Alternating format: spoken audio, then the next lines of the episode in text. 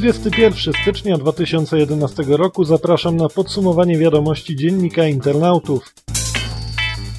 Poczta Polska rozpoczyna realizację programu rozwoju nowego typu agencji pocztowych, poinformowało we wtorek kierownictwo spółki. W zamierzeniu poczty sieć nowych agencji ma pomóc zlikwidować problem długich kolejek do okienek w dużych miastach. Przedstawiciele poczty poinformowali, że na temat otwierania nowych agencji prowadzą rozmowy z ogólnopolskimi sieciami.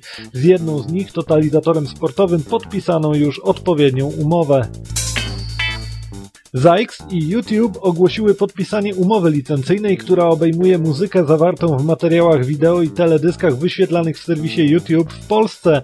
Pozwoli to autorom reprezentowanym przez Zykes otrzymać wynagrodzenie, jeśli ich muzyka zostanie wykorzystana w YouTube. Przychody będą generowane na podstawie reklam wyświetlanych przy filmach partnerskich.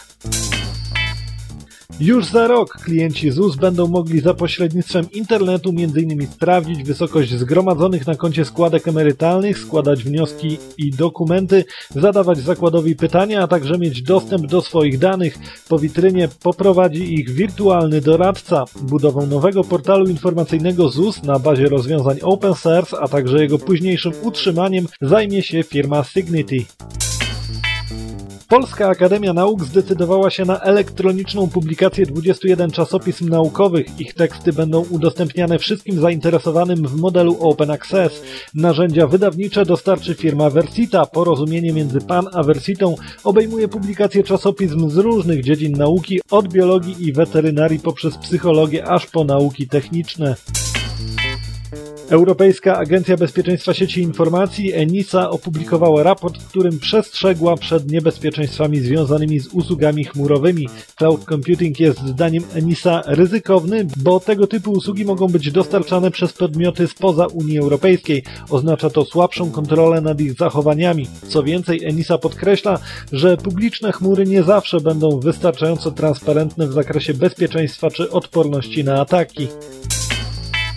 Komisja Europejska podtrzymała termin uruchomienia Europejskiego Systemu Nawigacji Satelitarnej, jednocześnie informując, że po roku 2013 konieczne będzie wyłożenie jeszcze 2 miliardów euro na dokończenie projektu Galileo. Początkowo szacowano, że realizacja projektu kosztować będzie niecałe 2 miliardy euro. Później koszt wzrósł do 5 miliardów.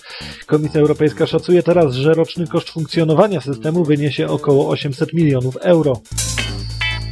Na początku tygodnia w Londynie doszło do przekazania dwóch płyt zawierających dane finansowe około 2000 osób oraz firm z branży finansowej. Po ich weryfikacji zostaną upublicznione za pośrednictwem Wikileaks.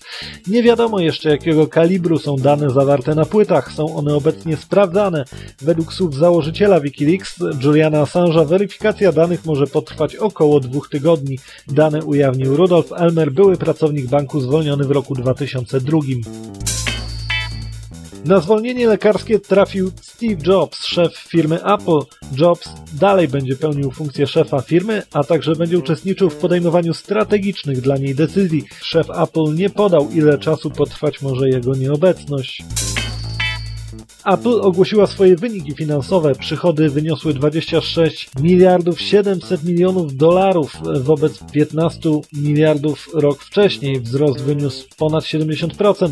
Zysk netto wyniósł 6 miliardów dolarów. To również o ponad 70% więcej niż rok temu. Wyniki są naprawdę rewelacyjne. Firma oszałamiający wzrost zawdzięcza przede wszystkim bardzo szybko rosnącej sprzedaży iPhone'ów i iPadów. Zastraszająca brytyjskich internautów firma ACS Law wciąż nie może udowodnić przed sądem, że potrafi skutecznie pozwać osoby podejrzane o naruszenie praw autorskich w sieci. Rozprawa dotycząca 27 pozwanych odbyła się ostatnio przed sądem Patents County Court. Najpierw pozwani otrzymali listy z informacją, że ich sprawa została porzucona, chociaż tak nie było. Do rozprawy miało dojść, ale została ona przełożona, bo nie zjawił się szef firmy ACS Law. Dalszy ciąg tej farsy zobaczymy najprawdopodobniej w poniedziałek. Twórca BitTorrenta Bram Cohen pracuje teraz nad nowym protokołem do strumieniowej transmisji wideo z użyciem połączeń P2P. W dzienniku internautów można zobaczyć film prezentujący nowe rozwiązanie, które ma cechować bardzo wysoka efektywność. W wydaniu audio to wszystko. Czytaj dziennik internautów www.d24.pl